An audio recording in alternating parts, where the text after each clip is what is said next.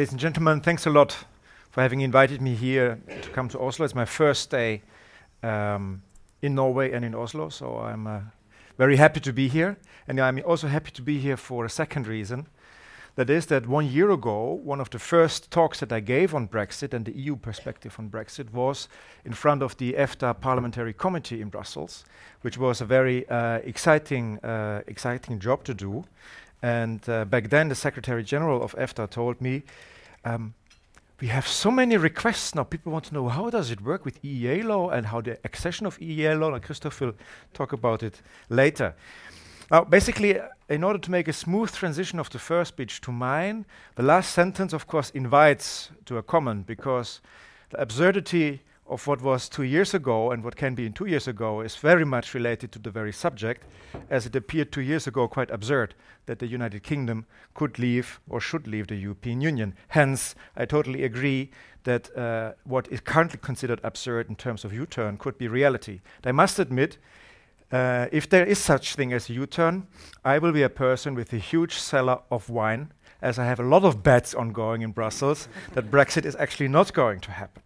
But uh, that's a that's a different different topic. Now let's turn let's turn to the to, to my task today to give a first glimpse at the EU's position. In 10 minutes is basically a job that cannot be done. So therefore, just some ideas which we then hopefully can uh, go into more detail in in the debate. Now, seeing that myself, I am a trained lawyer. I have as a starting point a legal rule, which is Article 50 of the Treaty on the European Union that is dealing with a withdrawal of a member state from the European Union.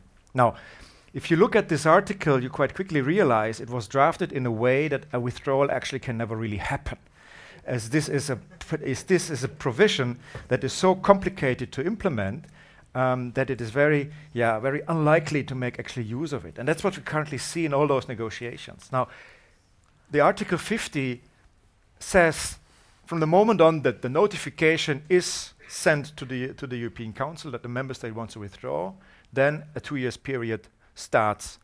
That happened on 29 of March 2017. By that, on 30 of March 2019, midnight, the United Kingdom won't be anymore a member state if there is no withdrawal agreement and if the European Council has not decided by unanimous vote to extend the period for negotiations. The withdrawal agreement itself has to be ratified by the Council, by the European Council, with a qualified majority voting, without the United Kingdom included, and after consent of the European Parliament. So here you already see the withdrawal agreement is qualified majority, the prolongation is unanimity, that the bargaining power of, uh, of, of member states changes quite significantly if there is no serious outcome of the negotiations, since the majorities change. The second point that is to see is that Article 50 only covers something in terms of the article, an, an agreement setting out the arrangements for the withdrawal, and now it comes taking account of the framework for the future relationship. That clearly shows this article can only deal with the past. Everything was about the future cannot be done under Article 50. It requires a different instrument. Therefore, also, the EU's position having a two phases approach first, let's deal with the legacy, and then we talk about the future, it is embodied in the treaties. And that is what makes the whole task so difficult. If we are talking about scenarios, the easy one from a legal perspective is the UK goes into the EEA. Then we can basically deal everything with the 50 and give the rest to the EEA.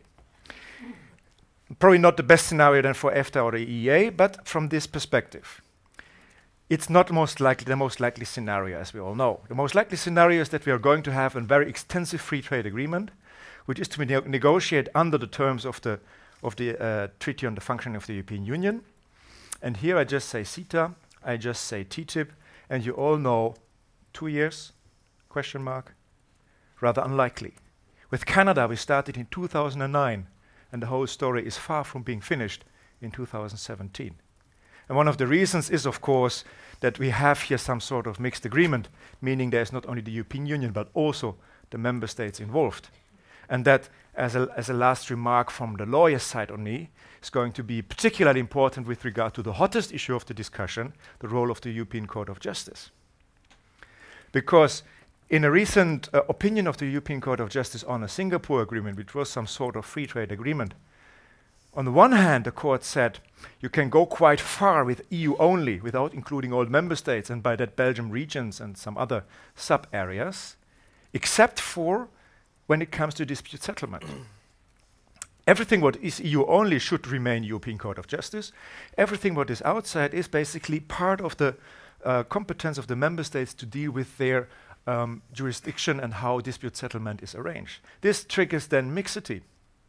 So that basically means from the moment on that the European Court of Justice is supposed to be outside, to the extent this can on only be done, we are in mixity.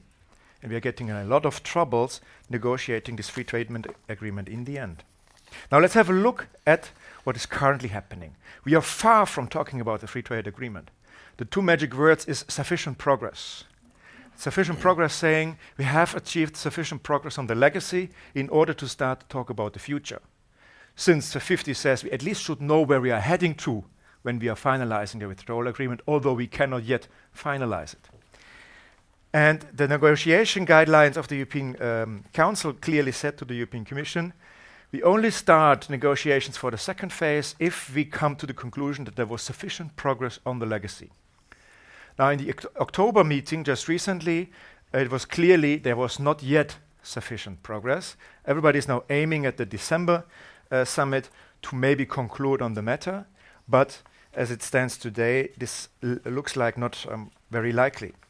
Now, the matters that are discussed in the first phase, what is the so called legacy, are the so called citizen rights, is the financial settlement and other issues turning around Northern Ireland and Ireland. When it comes to the citizen rights, very briefly said, we're discussing about the interest of the European Union to grandfather all kind of citizens' rights that we have in the existing treaties, at primary, at treaty level, and at secondary law level, which is the Citizens Directive. And there, of course, we have all the tricky issues about scope, which includes, according to the case law of the Court of Justice, um, economically inactive people.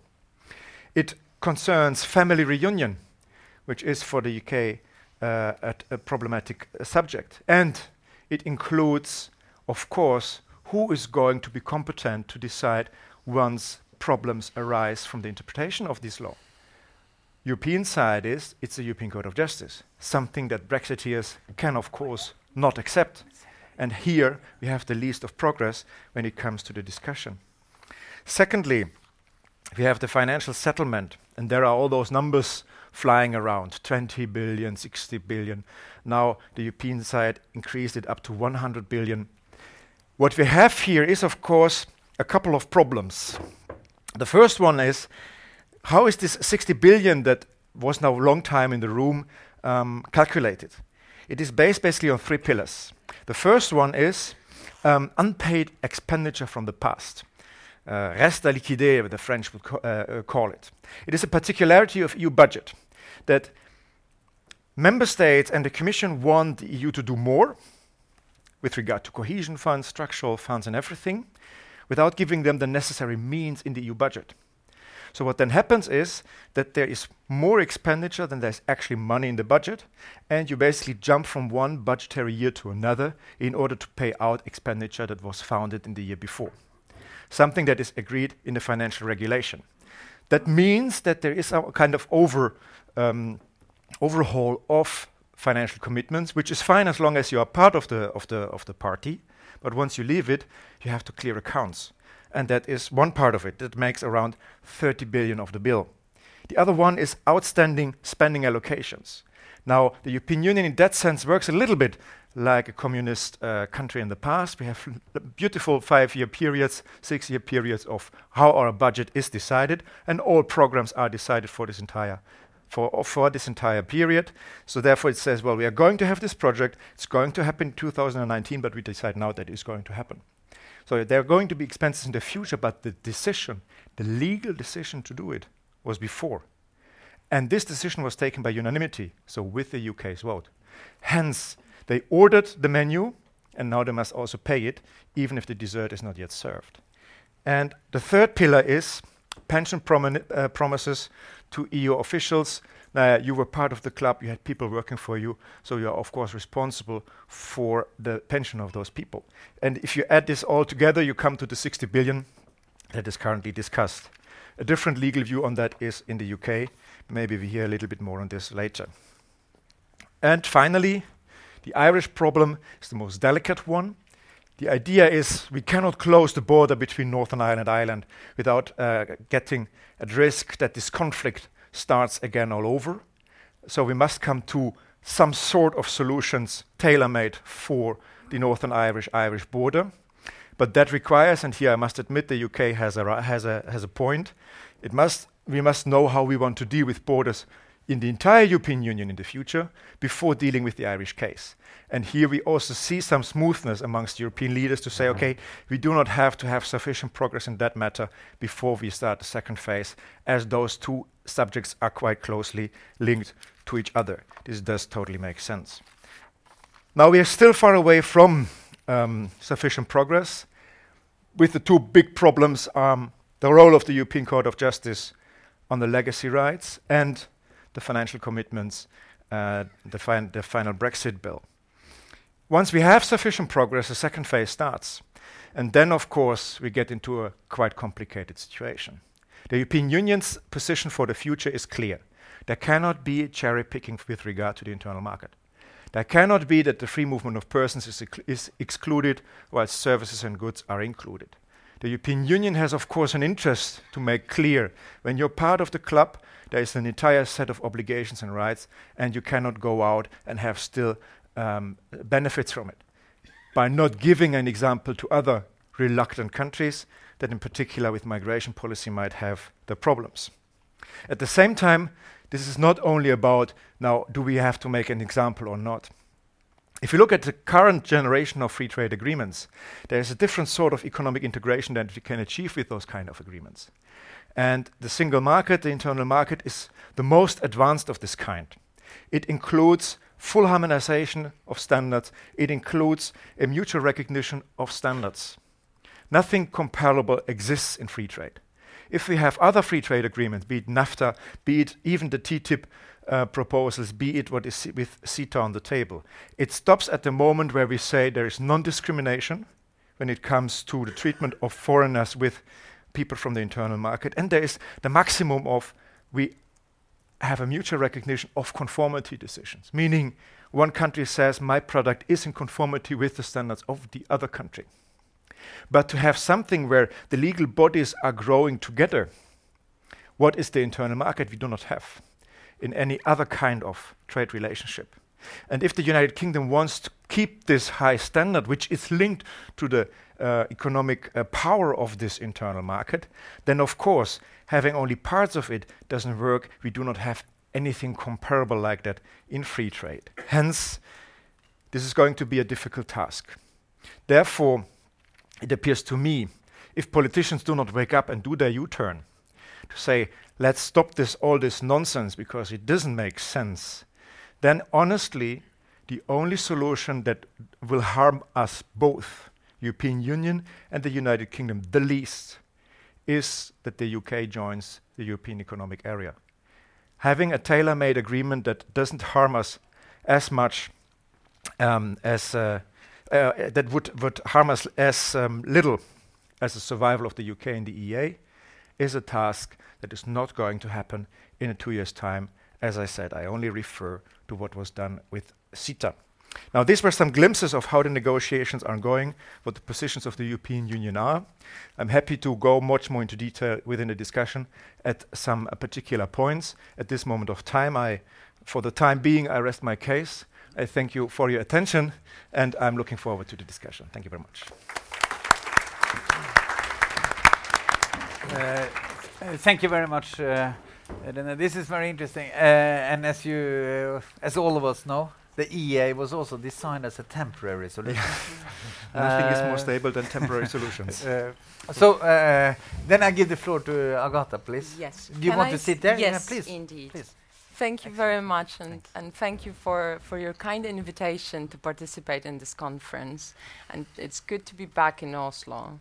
Uh, the last time I was here was actually days after the June referendum, Yeah. when together with colleagues at NUPI, we tried to depict and basically understand the rationale or the lack of it behind the voting uh, behavior of the of the British people. Now it seems like it was ages ago, um, but in any case, I will I, I will try to shed uh, shed light on what the British position on Brexit is.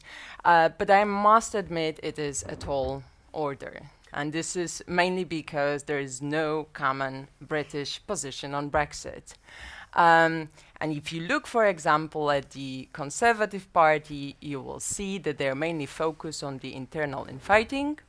You will see that only you know, weeks after Theresa May delivered her speech in Florence, which indeed gave a, a constructive and, and positive impetus uh, to the talks which were not moving forward, her staunch Eurosceptics started arguing that she should walk away from the table if she doesn't get sufficient concession. So, as you see, I mean, the positive atmosphere she managed to build around the negotiations were very soon tarnished by her staunch uh, Brexiteers. Now, also, if you look at the opposition party, uh, Labour Party, it's not also very clear what Labour Party wants from Brexit.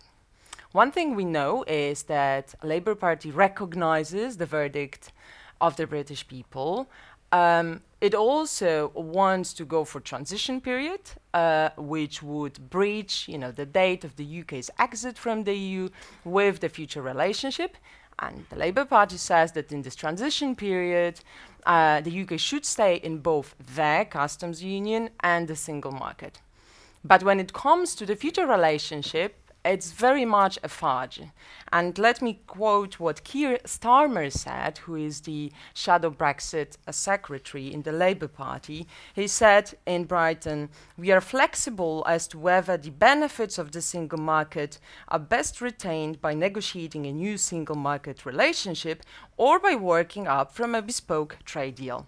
To me, it's not very clear what the Labour Party would go for in terms of a future relationship if it uh, uh, took over the steers of, the, uh, of Britain uh, tomorrow. And then you also have the British public, which is still very much divided over the issue of Brexit. We have already heard uh, different scenarios, and one of them was maybe that the, you know the UK will never leave the EU. But if you look actually at the public opinion polls, um, there has been a slight shift in the last weeks towards uh, towards those who think that the referendum on basically decision to vote leave was a mistake, but it's still only 37 percent against 32 percent of the people who think the British people were right to vote uh, to leave the EU. So basically, that's that's one of the caveats I wanted to start with. It's difficult to say what the British position on Brexit is. And then, keeping in mind that Brexit is still a very divisive issue, um, I think one should not be really surprised that the Brexit negotiations have been moving at a snail at a snail pace. But I also think it would be wrong to say that the EU27 and the UK haven't really made any progress at all in those negotiations. And I actually see that the British government have already made some concessions and have uh, barged a bit in the negotiations. And I would like to talk uh, for a couple of, of minutes about this. For example, uh, the UK and the EU is actually close to reaching an agreement on, on citizens' rights, uh, those who live in the uh, in the UK, but also those who live uh, elsewhere uh, on, on the continent, so British citizens living on the, on the continent. For example, the UK already agreed to give a direct effect to the withdrawal agreement um, in the British legal order, which basically means that an EU citizen like myself living in the UK will be able to refer directly to my rights enshrined in the withdrawal treaty in front of the British courts. Now, the British courts should um, be able to ask the Court of Justice for a decision on the implementation of the EU law, but of course, the wording of it, whether they should be or whether they can, is something which is still subject of the negotiations, also because of the reasons that that that René uh, has has mentioned. But it seems to me that in a way it's already concession on the British uh, it's uh, on the British side, mainly because the UK has a dual legal order, which means any international agreement needs to be first incorporated into the domestic legal order by or via you know acts uh, legal act. But the EU has said that it would be reluctant to allow the UK to do this, uh, mainly because it has been worried that any future, perhaps more Eurosceptic parliament could dilute you know, the, the rights that the withdrawal agreement gave to EU citizens uh, in sort of uh, via domestic legislation. So that's that's basically I think it's uh, the discussions around the citizens' issues are close to re uh, being resolved. Of course, there is still a matter of family reunification, which is an issue and perhaps also an export of, uh, uh, of benefits. But as far as I'm concerned, and what I hear on both, uh, both sides of the channel, the compromise is, is close to being uh, reached. Then we have an issue of Northern Ireland, uh, which it seems to me actually one of the most contentious issues, and one of the issues which was neglected during the referendum campaign. Um, the parties seems to have also made some progress, uh, not sufficient one, uh, on the issue of the common travel area and uh, some elements of the Good Friday Agreement. But it seems to me that if we uh, take seriously what the, what the, British government has said, meaning we leave the single market and we leave the customs union, there is no way we can really avoid a hard border between Ireland and, and, and Northern Ireland. And as many experts uh, in, in, on uh, many experts would say, this could fuel tensions um, uh, and indeed exacerbate some. Uh, and sort of uh, endanger the, the peaceful peaceful process. So that's something for both parties to still to still deal with. And then we also have a very another contentious issue, which is financial commitments. Again, I would argue that the parties have made some progress on this because if you look back and if you have followed the British debate, you probably remember some people saying in the UK that the EU can go and whistle about the money. And basically, the UK is not going to pay a penny. Well, that has changed already because uh, Theresa May, in her uh, Florence speech, said that the UK will honor its commitments. Uh, she also said that the UK does not want any member state to be worse off uh, in the current uh, multi-annual financial framework, which means she doesn't want any net payers to, to top up post Brexit and any beneficiaries to receive less. So, in, in, in, a way, she recognized that the UK will pay, I think, around 20 billion, uh, uh, which is needed to sort out the uh, MFF commitments. But she also said, and this is still a, a bone of contention, that the UK will honor other commitments that it entered into as a member state but she hasn't really uh, offered any details of which commitments uh, she made. And um, this is actually a problem because uh, the UK says uh, we are not going to write you a check until we know what kind of future relationship we will have with the EU, or in other words, until we know what you offer to us in terms of the future relationship. And then the EU27, um, I think for perfectly uh, reasonable uh, reasons, also said, well, we cannot really move forward and open the second phase of the negotiations that René has also mentioned until we actually know what kind of numbers we are talking about, right? Uh, and this is uh, and this is a, a, chicken and egg problem, which really prevented uh, both sides, I think, from from reaching a sufficient uh, uh, or from declaring sufficient progress during the uh, October summit.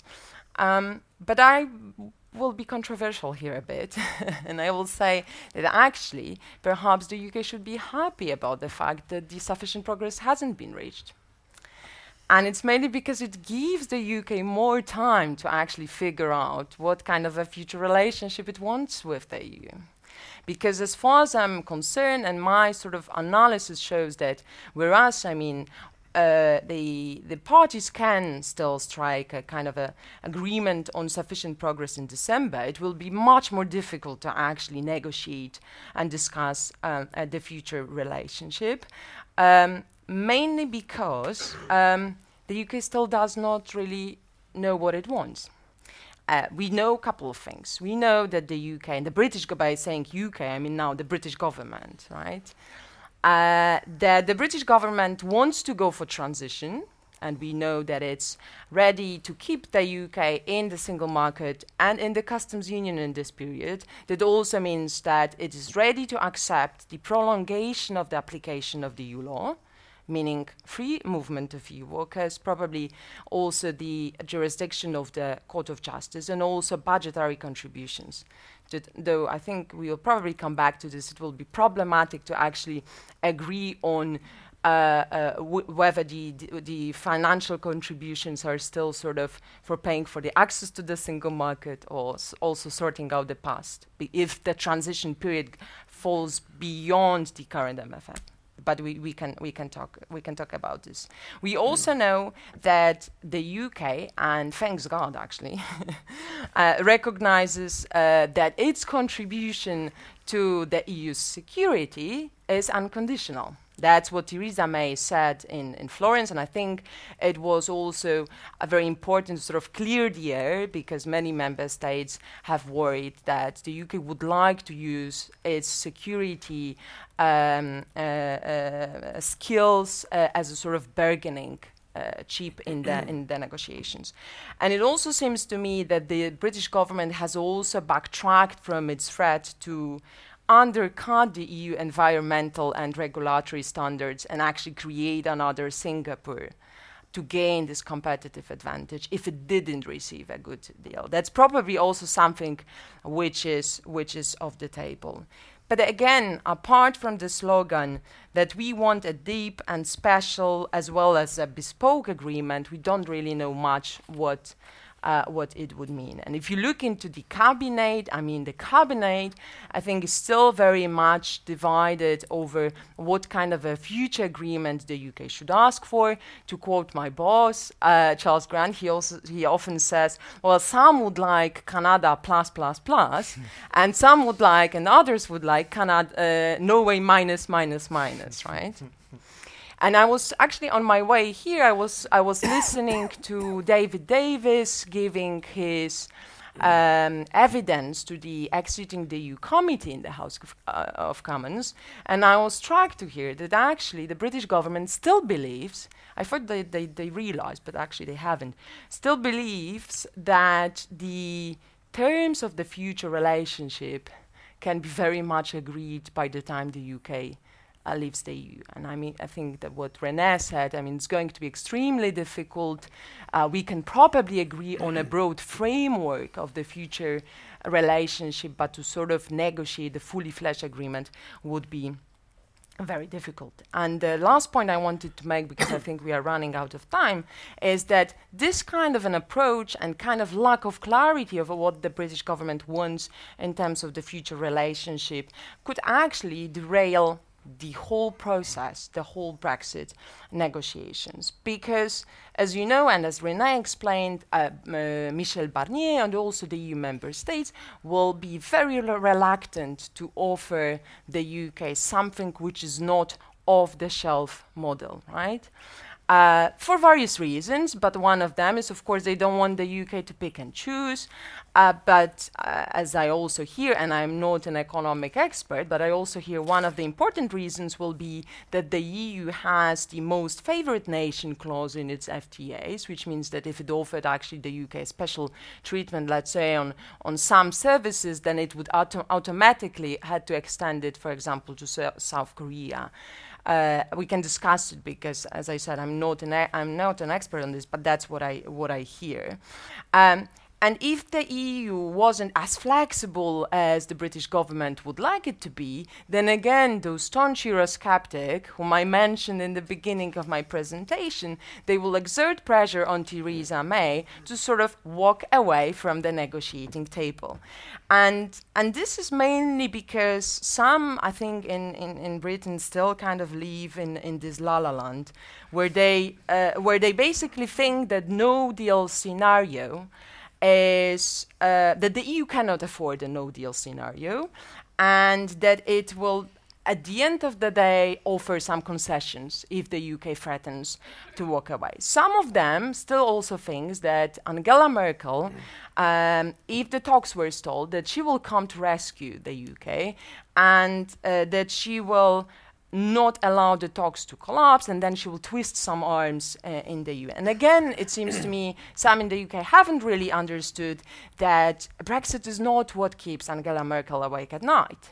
And it is actually in, and I think we've mentioned this already, it is now very much about sort of uh, uh, uh managing and sort of reducing the damage and about the EU's post, uh, uh, uh, post Brexit.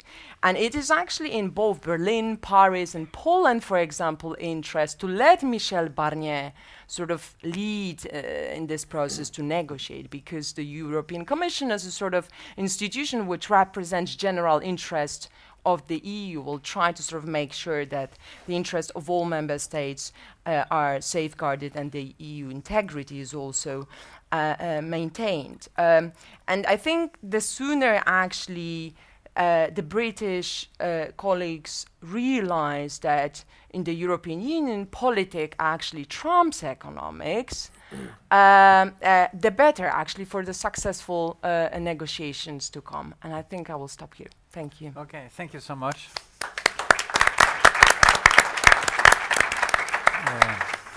Lots of interesting remarks there. Then we give the floor to Christophe.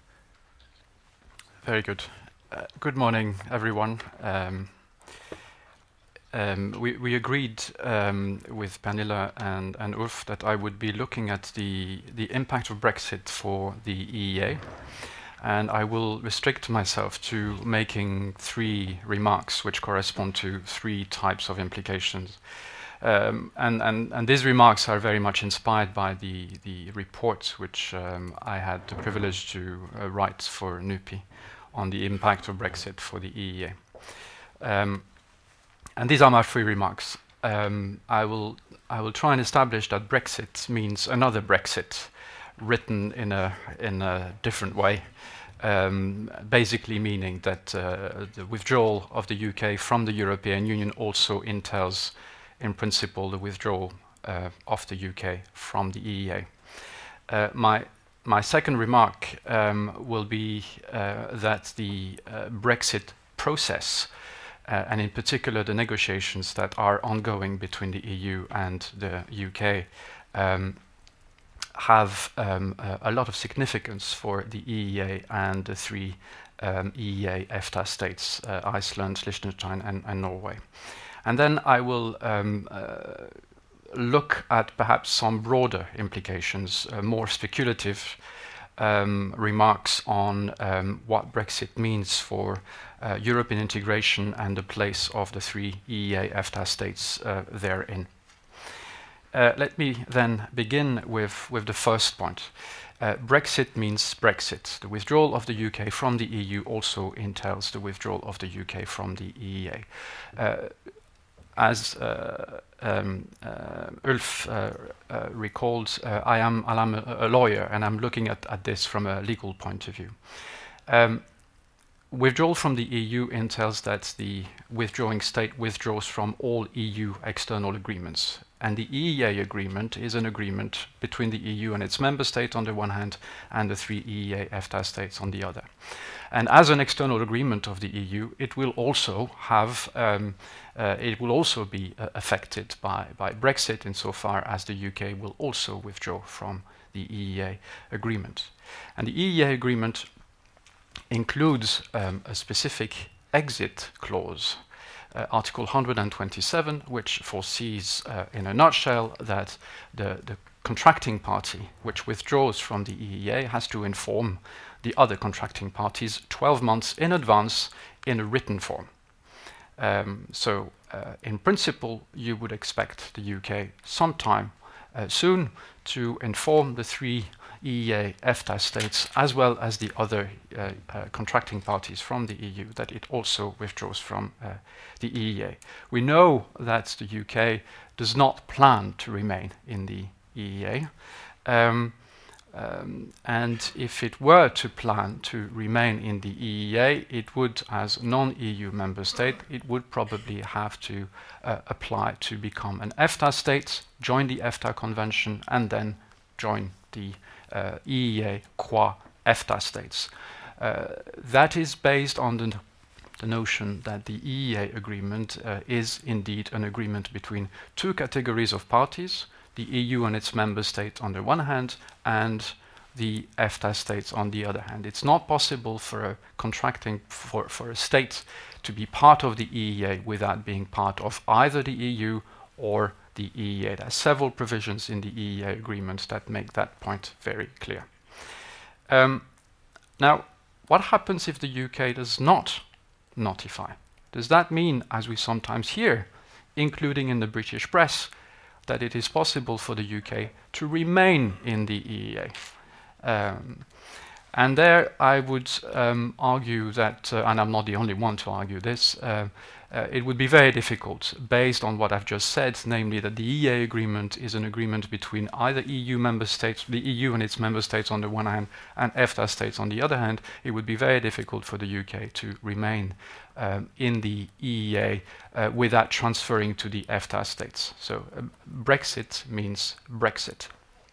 There are several uh, supports uh, for, for this contention. If you look at, uh, for instance, uh, this particular provision, Article 126 of the EEA, which defines the geographical scope of application of the agreement, you clearly see that the agreement is meant to apply to the territories to which the treaty establishing the European Economic Community is applied, and thereafter to the territories of Iceland, the Principality of Liechtenstein, and the Kingdom of Norway.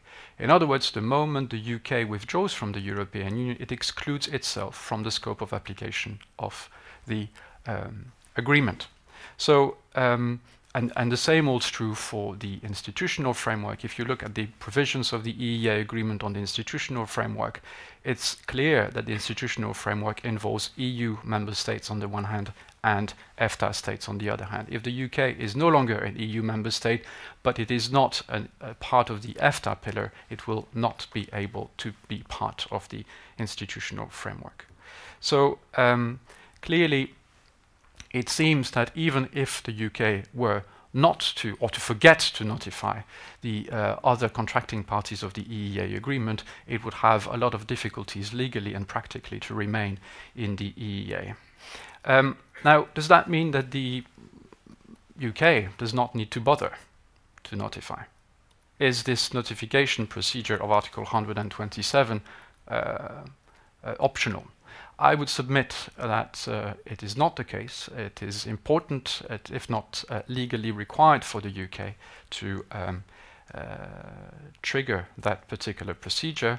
The text of the uh, provision, it's quite clear that it says uh, that the contracting party may withdraw from the agreement provided it gives at least 12 months notice in writing. Also, um, uh, the other contracting parties of the agreement le need legal certainty, but also their businesses, their citizens, if not their courts. They need that legal, uh, that kind of legal certainty. And um, uh, thirdly, as I will uh, come back to in a minute, uh, the triggering of Article 127 activates a, a procedure, uh, a procedure, namely a, a, diplomatic conference, whereby the remaining EEA contracting parties gather to um, uh, figure out the uh, adjustments that are needed uh, to, to the agreement. Um, the kind of uh, adjustment that are um, envisaged um, to the agreement in the context of um, of uh, the, the, that uh, diplomatic conference are not particularly clear. Uh, we are um, we are told that um, the contracting parties ought to introduce necessary modification. It's never been used in the past, so we don't quite know what the scope of this necessary modification could be. But um, in principle, it could um, mean um, quite a lot given that we are acting at the diplomatic level, meaning it is not in the context of the procedural framework of the EEA. Uh, given that we are talking about the contracting parties at, at the diplomatic level, they should have quite a lot of uh, discretion to introduce uh, modification which are more than simply, simple um, uh, technical uh, adjustment, for instance, um, deleting all references to the United Kingdom in the agreement. But um, still, legally, um, there is this notion of necessary modification, which might limit the scope of this modification. And also, um, there is another procedure in the EEA agreement which is uh, there to allow the parties to revisit the, the, the EEA, the core EEA uh, law, um, which, in my view, should be should be used uh, for for the purpose of modifying the EEA agreement as such. Not to mention, of course, that politically there might not be such an appetite to modify the EEA agreement beyond the technical um, uh, modifications necess necessitated by by the withdrawal of the of the UK then I'm moving on to uh, to the second level of uh, of impact. Um, I just want to to flag up very briefly how much the ongoing EU-UK Brexit negotiations have um, significance for the three EEA EFTA states and for the functioning of the EEA more, more generally. And I want to illustrate it at two levels. First, by looking at uh, the topics of those of, of the ongoing first phase that uh, René um, uh, talked about uh, earlier, first phase of negotiation, and then I will um, flag up how much uh, an element of the second phase could also um, uh, have an impact on the functioning of the EEA, namely the transitional period, uh, if it is agreed. As regards the first phase, the topics of the ongoing negotiations include a number of elements which, in fact, are related to the functioning of the internal markets. And, and I want to mention two examples citizens' rights to begin with, and uh, goods put on, on the market. I will actually focus on citizens' rights. Um, um, if you look at the, uh, the documents uh, on the basis of which the, these negotiations are, are ongoing, you will see quickly that the e both the EU side, but increasingly the UK side, are referring to documents which are essentially EU um, EU uh, official journals. Um, uh, the um, uh, the citizens' rights uh, topic involves um, a negotiation as to whether various directives, various regulations, and various elements of the EU treaties are going to continue to apply to uh, those citizens, EU citizens in the UK, who have already exercised their rights by working in the UK, by being self employed in the UK, whether these rights are, and how these rights, which are already exercised, are going to continue to be protected post Brexit. Similarly, um, then you may wonder whether um, the rights of Norwegians, um, Icelanders, um, nationals from Liechtenstein are going to be protected uh, insofar as they have been exercised and insofar as they derive from uh, EEA law. To make it clearer, Norwegians or Icelanders or nationals from Liechtenstein having exercised their EEA rights by working in the UK, are affected, like Agata, like myself, both of us being EU nationals having worked in the UK. these rights are the same. They derive from the same legal instruments, be they EEA law or EU law. Um, these rights, which derive from EU law, have been incorporated into EEA law. And so the question is whether the treatment of our respective acquired rights, existing rights, will be the same after Brexit or not. If not, then the then Brexit will have introduced a differentiation in the enjoyment of EEA EFTA nationals' rights in the UK, which will no longer be protected, whereas EU nationals' rights, if they are covered by this withdrawal agreement, will continue to be negotiated. So you see that the ongoing negotiation between the EU and the UK as regards the protection of existing EU citizens' rights in the UK and UK's, uh, UK's rights or U UK citizens' rights in the EU will have uh, significance for the EEA at large insofar as we are, in effect, talking about the same existing rights. If the EU UK um, agree to protect those rights of EU citizens having already worked in the UK in the future, post Brexit, and if you don't have a similar or equivalent arrangement extended to the EEA, then you will have a differentiation in the operation of the internal market, i.e., the EEA. Similarly, and I'm coming to, the transitional arrangement, we have heard already that um, in phase two there is a possibility that the UK will perhaps continue to uh, be bound by internal market rules for a certain period of time. Now we hear that it might be two years, and we hear that this uh, transitional period, from a UK point of view, but also from a EU point of view, might indeed entail a, a mere prolongation of existing internal market law. Now, if that is the case, then you immediately see the significance of the three EFTA EEA states because they need a, some kind of equivalent arrangement to make sure that EEA law, or sorry, the internal market law does not continue to apply only between the 27 plus the UK, but that single market law continues to apply to the EEA plus the UK uh, uh, more generally.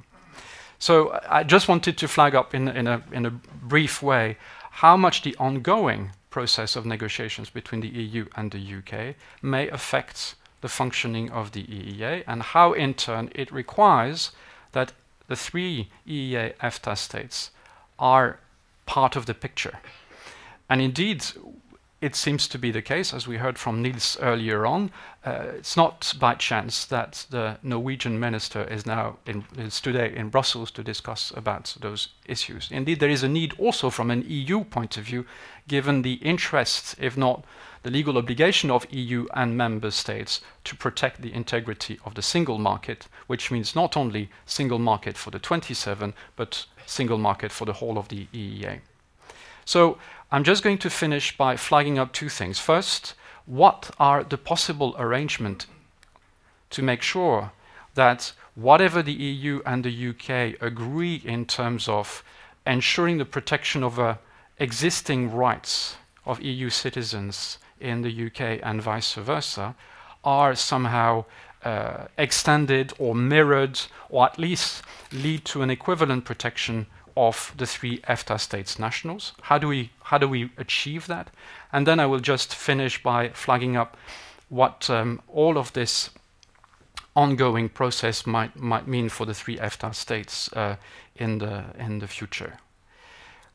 The arrangement um, to uh, somehow ensure that the functioning of the EEA and the integrity of the internal market that it requires um, um, is, is, is preserved is um, arguably a combination of um, three um, avenues, three different levels of uh, procedural arrangement, if you like. The first one is the one I mentioned at the outset, that is the diplomatic conference.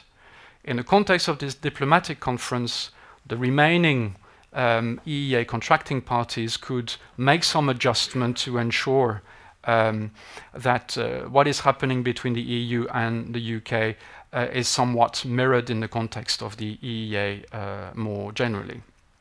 But there are difficulties, uh, a number of difficulties with that. Uh, I can elaborate during uh, the, the, the, discussion, but one difficulty is that the UK is not involved in these negotiations. the UK, therefore, will not be bound by whatever arrangement uh, the contracting parties of the EEA um, uh, agree upon. Uh, moreover, um, uh, it's not quite sure that it is um, the role of this diplomatic conference to introduce in the EEA functioning the kind of modification that we are uh, talking about uh, as regards the EU-UK um, arrangement. So a complementary avenue will be the more classic EEA institutional framework. I would submit that uh, many of the arrangements which are significant for the functioning of the EEA and that which are concluded between the EU and the UK could actually be incorporated into EEA law by the classic institutional framework.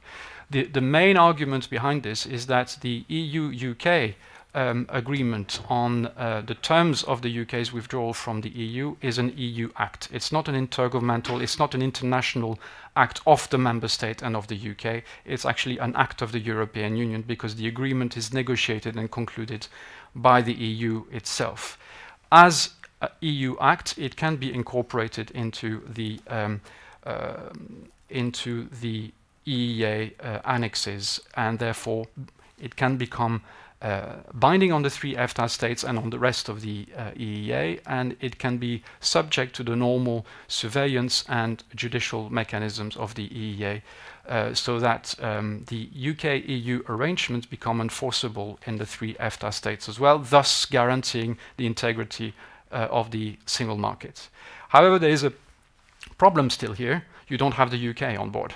And so you need, and that's the third and, and, and last uh, uh, avenue or, or, or, or, level of, of uh, intervention, if you like, you need some kind of triangular, uh, triangular um, uh, agreement um, between the EU, the EFTA states, but also the UK. And so you will need, in addition to the modification in the uh, diplomatic conference, in addition to the uh, um, uh, potential um, uh, integration, incorporation of, um, of EEA relevant element of the EU-UK agreement in EEA law, you will need some kind of arrangement between the UK and the three EFTA states to ensure that what has been agreed first between the EU and the UK, and which has then been extended to the three EFTA states, is then enforceable in the UK, and you will need some kind of additional uh, arrangement between the three EFTA states and, and the UK. Um, and I'll keep my remarks on the future of uh, Europe for later on. Thank you. Thank you so much, Christophe. So, uh, so we have a new word here. It's Brexit. So uh, Brexit, leaving the EU, is also leaving the EA. Uh, so this is uh, very interesting uh, in all its legal dryness, Christophe.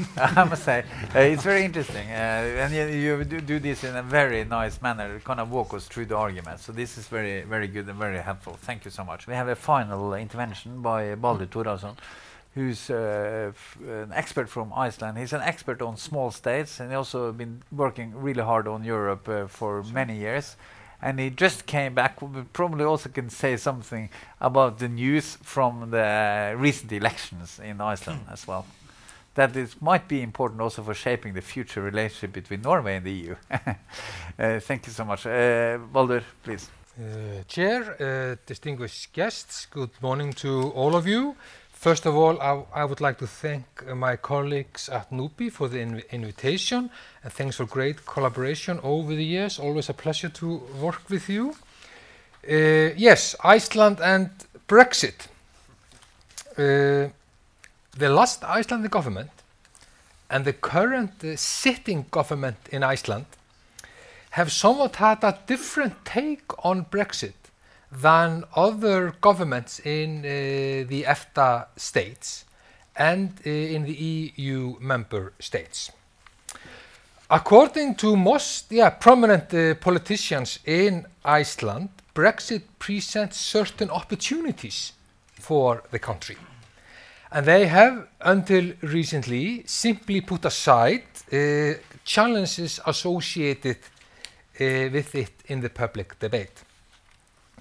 After the Brexit referendum, the outgoing president claimed that Brexit was good news for Iceland. The country's relations with Britain and other neighboring states on both sides of the North Atlantic would undergo positive change.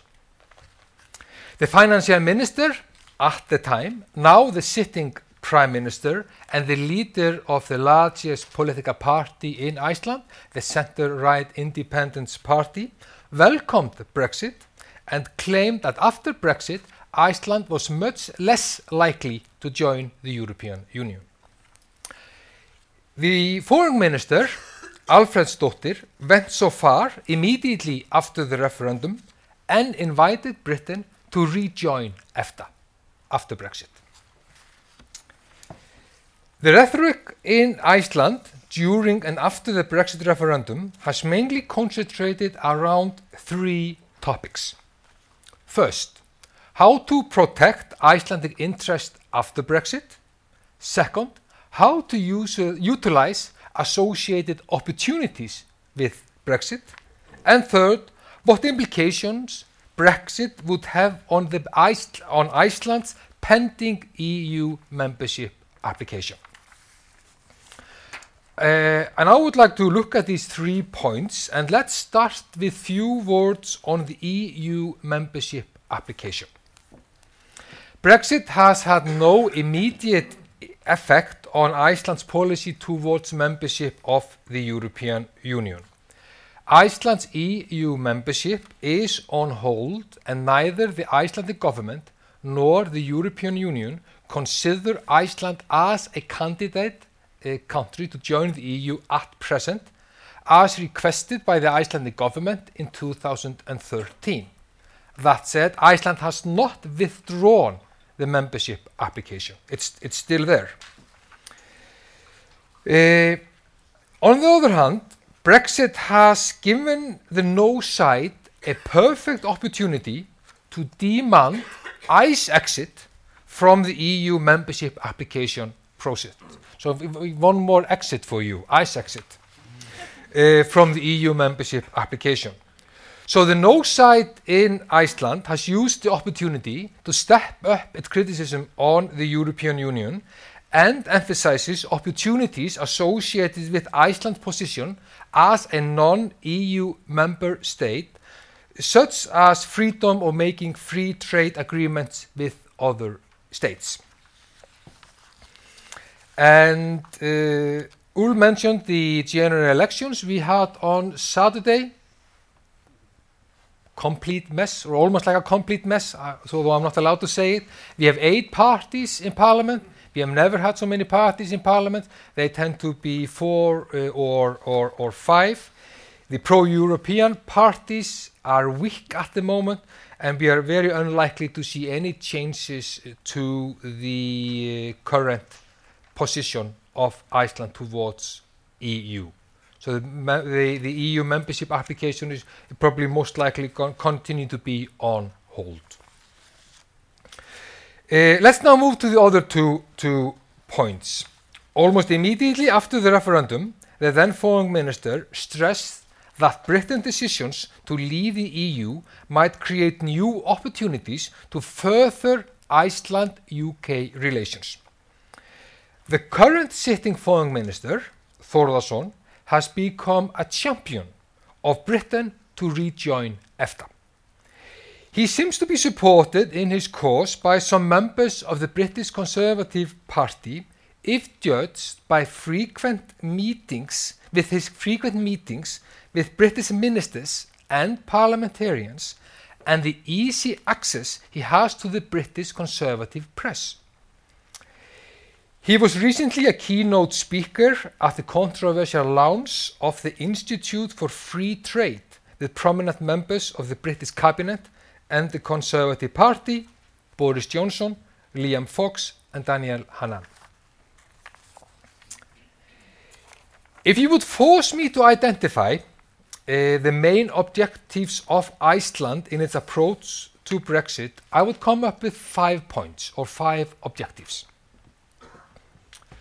First, Iceland's main objective is to guarantee that the country maintains the same open access to the British market as it has at present according to the EEA agreement and other agreements. Second, the objective of the present foreign minister is to get an even better market access to the British market than Iceland enjoys at present. Iceland still pays tariffs on some of its marine exports to the EEA states, including Britain. And this is what the minister wants to change. Third, the foreign minister also claims that Britain, as the fifth largest world economy, becomes the leader of free trade in the world after Britain leaves the European Union, and that Iceland can utilize this opportunity and engage in free trade uh, worldwide and accordingly strengthen its economy. Fourth, Iceland is seeking to strengthen its defense and security ties with Britain. Most of the Icelandic political elite, which has been seeking for stronger security guarantees, by its allies after the closure of the US military base in Keflavik in 2006 would welcome greater, greater British military activity in the North Atlantic and some kind of formal arrangement of closer security and def uh, defense ties with Britain. Fifth, Iceland has been torn uh, between its neighboring powers on each side of the North Atlantic. It rel relies on US defense and the EU's market. Iceland is deeply divided on whether or not to join the European Union. And most Icelandic politicians have finally, I would say, finally realized that the US does not help out at times of economic crisis. It always did so in the past. It, they have realized this after the US declined to assist Iceland during the 2008 economic crash, despite providing several other European states essential currency swap arrangements. And the US security guarantees of Iceland has been put in doubt after the closure of the US base in Keflavik. Leading politicians in Iceland seems to be of the opinion that Brexit creates the possibility of a new ally for Iceland in terms of closer trade and security alignment between the states. Moreover, Iceland might be able to jump off the European train and board a new one if Britain and the US develop closer trade, security, and cultural, cultural relationship in a post Brexit world. Brexit may bring the two societies in Iceland and Britain even closer together. Iceland could become even more Anglo Saxonized. In other words, Many Icelandic politicians wish for Iceland and Britain to form an informal or formal alliance outside the European Union. That all said, whether these opportunities are likely to materialize is difficult to say. Iceland will come across many hindrances on its way to accomplish a more beneficial trade deal with Britain than it enjoys at present within the EEA framework.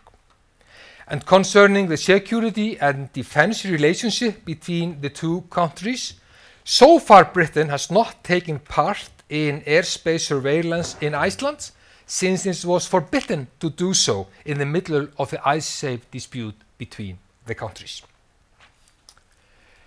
Britain has never given Iceland anything for free. As indicated by numerous examples from the fishing disputes between the countries, the Icesave negotiations and all that was surrounded them, and Iceland's EFTA and the EEA as- association talks. All the parties in Iceland are committed to the EEA agreement. Uh, and Iceland will most likely follow the other EFTA EEA states and sign up to the deal between Britain and the EU. But at the same time, the EEA possesses constraints on Iceland's ability to freely negotiate, negotiate with Britain and follow its path towards a free trading world. And these facts annoy the Icelandic political elite enormously. Iceland is making itself ready to step in if such a, a UK EU deal is not accomplished and make a free trade agreement with Britain and simultaneously keep its current beneficial trade deal with the EU through the EEA agreement. Thank you. Okay, uh, thank you so much. Uh, thank you, Baldur. This was very nice, uh, very, very timely, and it's uh, it's uh, it's a lot of things. I think that a lot of people in Norway are not aware that our relationship with the EU, in many areas, are regulated through EFTA, and in the EEA, we have to keep in mind that any decision is based on unanimity. So Iceland and Liechtenstein informally speaking, has a veto, have a veto over Norway in our steps, and uh, likewise we have a veto over Iceland. But we are bound together in a very uh, uh, strong uh, way, and that many of us tend to ignore. And Norway, as you know, uh, don't necessarily behave very nicely as a great power in EFTA. Uh, if all great powers in the world I have to say something about that. uh, yeah. okay, but, but I will open the floor. But I'd just like to have one question first to Niels. We heard a lot of things. I think that uh, we have heard, and you also mentioned this in your remark, that our future agreement with the UK is to a large extent somehow outsourced through the EU. So the EU will decide on uh, the relationship between uh, many aspects covered by the EEA agreement today. And you also said that we have a very nice consultation with the Brexit team, but you said we don't have a voice on that. And then there is this legal. I didn't say that. No, but okay, sorry. Uh, but then there's this legal, technical aspects related to this: how to take an agreement between the EU into the EEA agreement. But so that Christophe uh, uh, addressed. But let's leave that aside. But there are two other things. There are some issues that are not covered by the EEA agreement. One of them is, of course, fish. Agriculture is another topic. So, but did you you didn't touch so much on that. But uh, knowing Norwegian trade agreements, we typically end up with some kind of discussion of fish, uh, right? And they are often very difficult. So that's one thing. But the other thing that what you said, and that's the opportunity, and that's the security aspect, because uh, Theresa May in a Florence speech said that she would like to have a innovative, dynamic, comprehensive um, agreement with the EU on security aspect. And in that sense, that's something that's very relevant also for Norway. And you said also in your remark that that I understood that you said that was an interesting opportunity. And we now also hear uh, our friend from Iceland also talking about the security component. So could you just say a few words about kind of the things that are not in the EEA agreement, the fish and the security? Okay, well, just I'd just like to see a few words first um, about what Christophe said. I think we, we agree actually very much with what you said on, on the need for a notification in one way or another Um, we're quite flexible on how that would be, but we, we agree that a no- some sort of notification should be done. The other thing is that they also agree is that if such a notification is done, not done, then the United Kingdom will anyway go out of the EEA agreement. So that's uh, that totally agree on that. Um, the uh, also what you talked about and what I tried to say as well is that we need to find some way to extend those provisions to all the EEA EFTA states. What is pertinent to the internal market or the single market, and I can think I think and that's uh, I hope that can be confirmed uh, in the months ahead. But it's a very my very clear impression that this will is as strong on the UK side and the EU side as on our side. So I don't think that's any. Uh, there, there is no lack of willingness and understanding for extending that to also the three EEA EFTA states. On fish, um, one thing for sure is that Brexit will have a huge impact on managed uh, resource management of fish in the North Sea and in the and the EU waters. Just think of the map. Just look at the map and to see when the UK is withdrawing from the UK from from the EU, they will take out a large part of the EU waters, meaning including fish. They move tend to move around though. That's another issue, but that's uh, that's that's a question. But but of course, so this will have a huge impact in in in a very different way for Norway than the EEA related areas. Uh, in the fisheries areas, we will actually be a new partner for the UK bilaterally in fisheries, things that they haven't done since 1973. So uh, the fisheries sector will be perhaps, I don't know whether it will be the most difficult sole issue, but it will definitely be one of the most difficult issues in the future relations between the EU and the UK, and where we will be partners and, and uh, uh, parties of any agreement of the resource management. Uh, but not only us, but other countries as well. And Iceland is one, and the Faroe Island are the others. So that will be a new reality for, for all parties. Um, so whether we, well, what sort of agreements that will end up with, we, we have no idea. And whether that will also include a market access uh, component, uh, I don't. It's difficult to say that that will, will be a part of it, but in one way or another, that will be part of the, the of the of the discussions. That's for sure.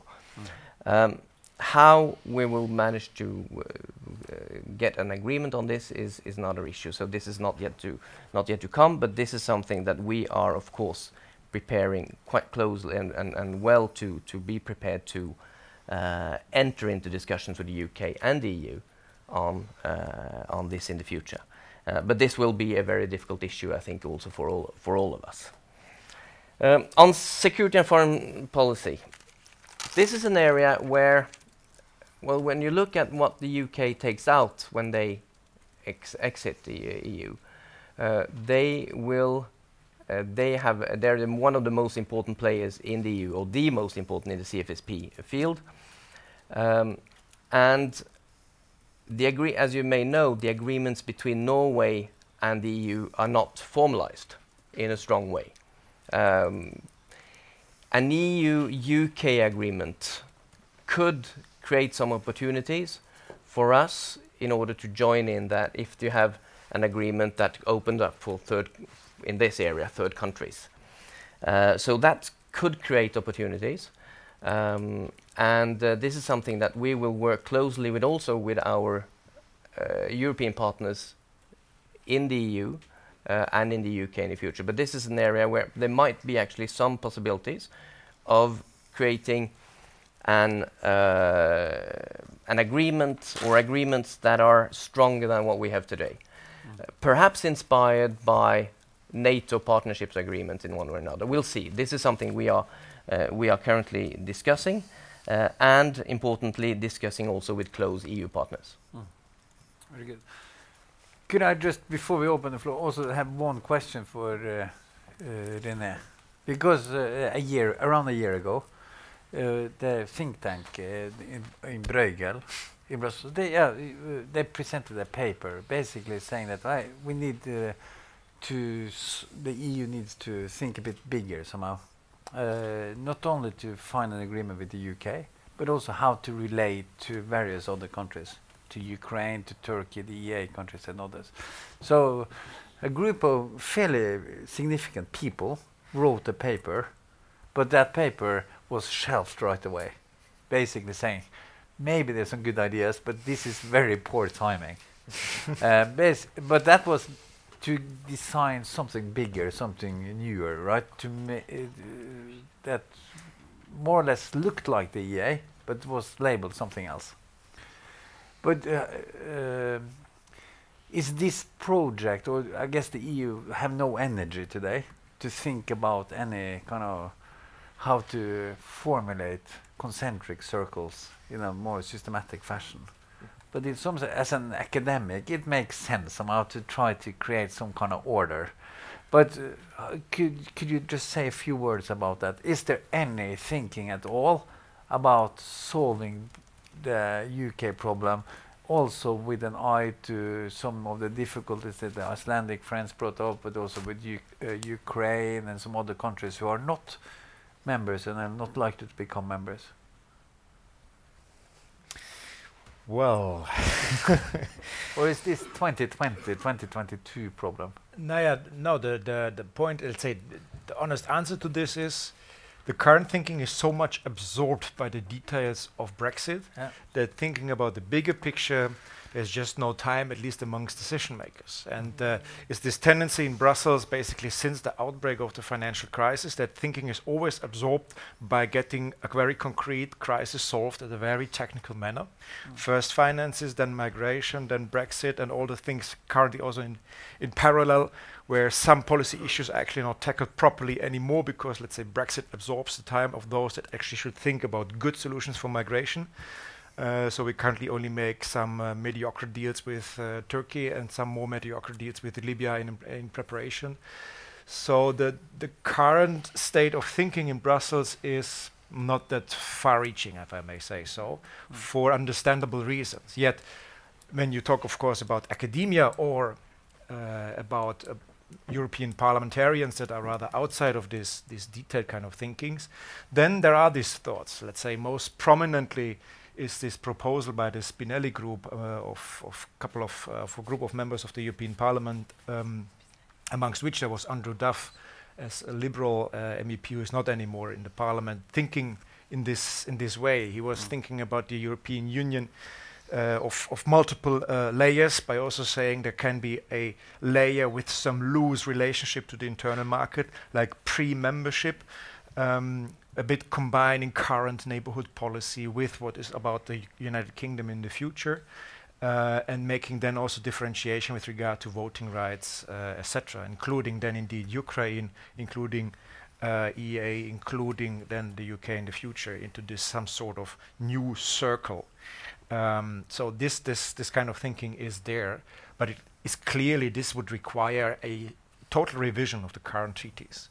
Uh, and there is no political power to uh, to do this step. Although intellectually, I must say, thinking in these terms does totally make sense.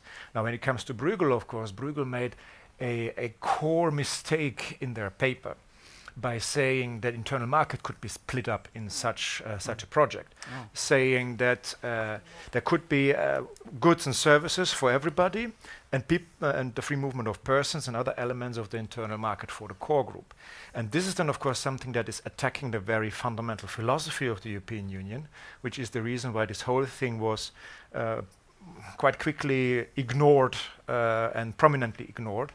One of the r- main writers of it was, for example, Norbert Röttgen, president of the Commission for European Affairs in the German Bundestag, who immediately the next day got a call by Angela Merkel in a sense that uh, if he ever considers to have again a political career in Germany, that was the moment uh, where he missed the chance to get there.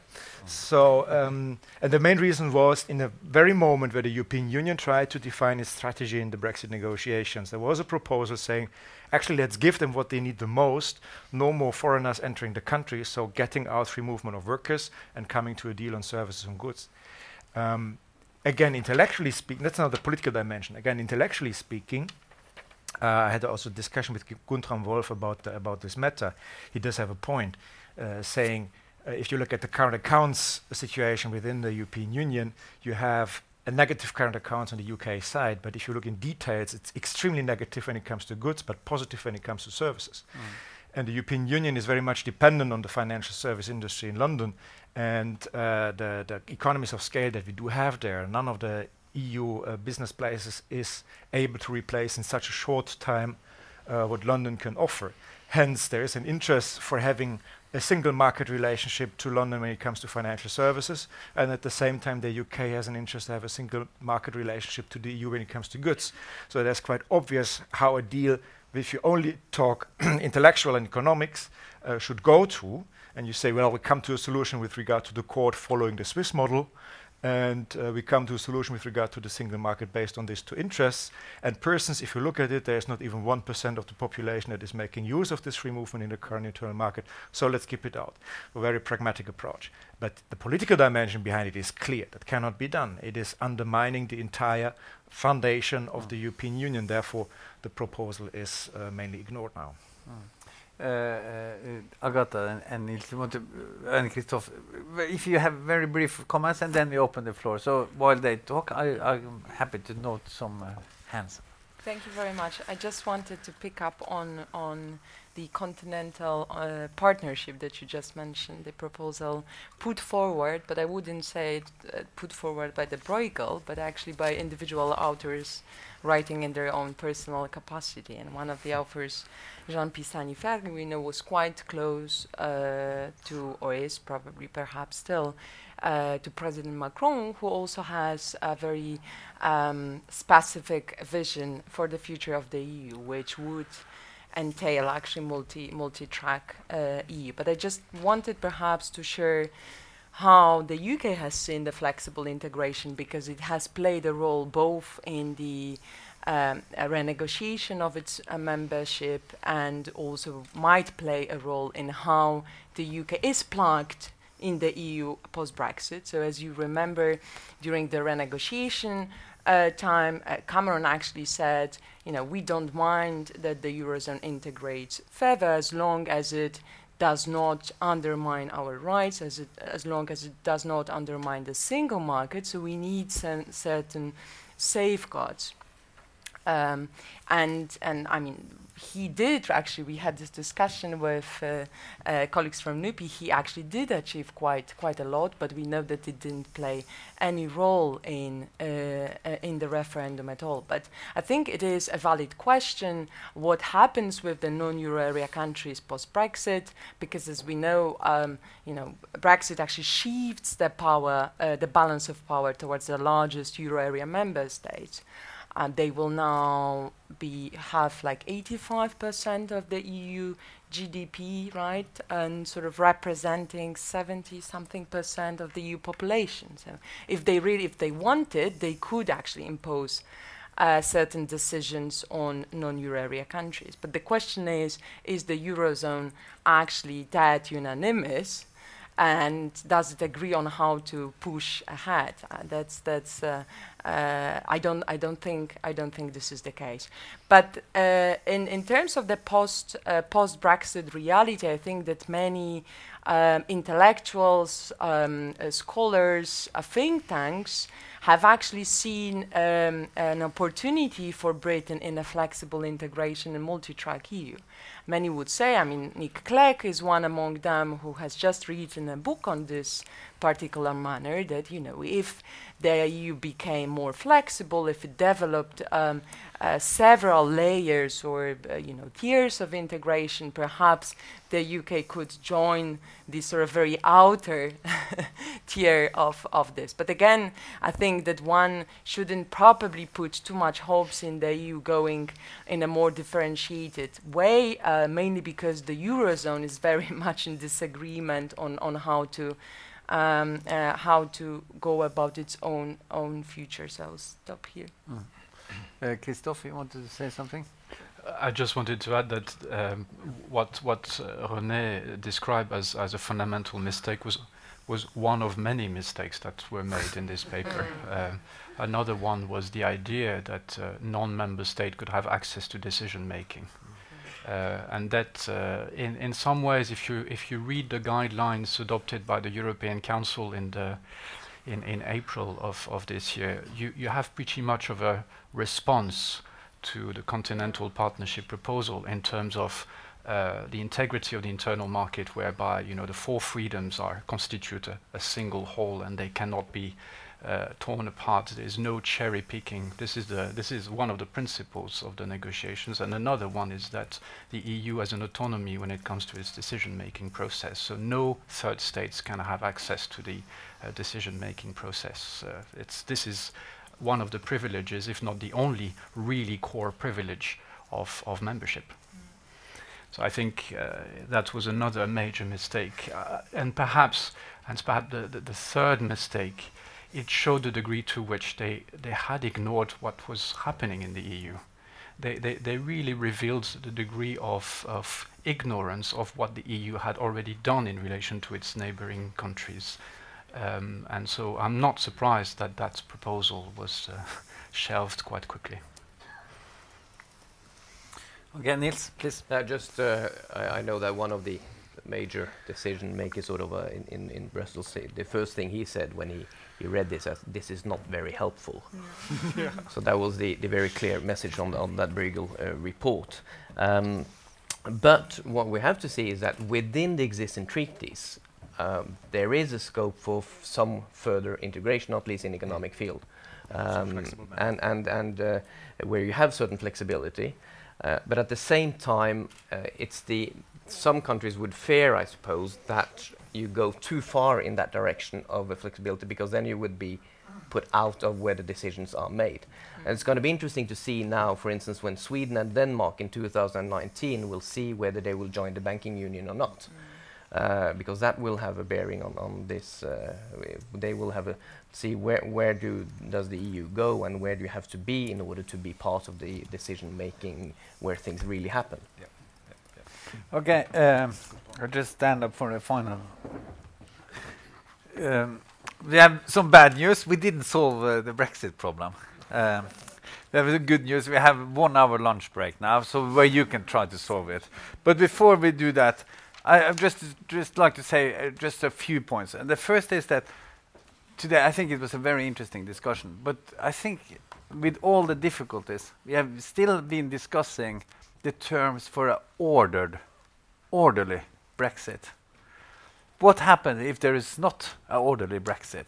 Because it seems that all the difficulties of orderly Brexit, it might even happen that a, a disorderly one might happen. Okay, but uh, if the EEA is not an option, I still like just to throw in a few lessons from Norway that I think is relevant for Brexit. Uh, first is ob the obvious one. Life can be pretty good outside of the EU. We have to remember that. This is the main lesson from Norway, but also from Iceland and from Switzerland. The second point is that the Norwegians said no to EU membership, but that must not be confused with a no to European integration. So we said no to European representation, but it's very difficult to get out of integration. Right? It's not even desirable. And voters seem to be very concerned about formal sovereignty, but they don't care much about delegating actual sovereignty. That might also happen to other countries. And uh, we have also learned that even if we are outside, the EU will remain a very important regulator. As a non member, the UK will have to be acting as a lobbyist trying to influence the EU, like Norway done, and Iceland and others, and Google and Chinese and others. And also, I think it's very important, and, and this was uh, related to what uh, Niels said. Norway don't have one agreement with the EU. We have tens, maybe close to 100 agreements, or more than 70 at least. Switzerland also have 120 agreements with the EU. So I think it's it's a wrong starting point to assume that Brexit will just be one agreement. There might be many agreements, and it's not a one-off negotiation. There will be repeated negotiations over time. So the game has to be formulated as a cooperative game of reaching new agreements rather than one uh, cutoff. And a very important lesson, what we have experienced in 25 years is that the EU don't care about designing those agreements. They are willing, but the Norwegians or the Icelandics have to innovate and have to come up and present the solutions. Right? So you cannot sit and wait for Brussels to come up with the solutions. You have to bring forward those solutions yourself as an outsider. I think that's an important lesson. And the final point is, of course, that in Norway and in Switzerland and in Iceland, these agreements have been based on a huge domestic compromise. And those compromises have been stable, regardless of a shifting government. And, and, uh, and the nature of compromises is, as you know, nobody really likes them. They have somehow to be bad. Uh, but they are better than the alternatives for many, right? And, so, and we also know that compromises tend to be very complicated. They're messy, they're stinky. You don't like them, but they work. Uh, so I think these are some important lessons from Norway when kind of the parties go about trying to design the Brexit agreements. So thank you so much to a very good panel. Thank you so much. But please join me in thanking all of you for excellent contribution.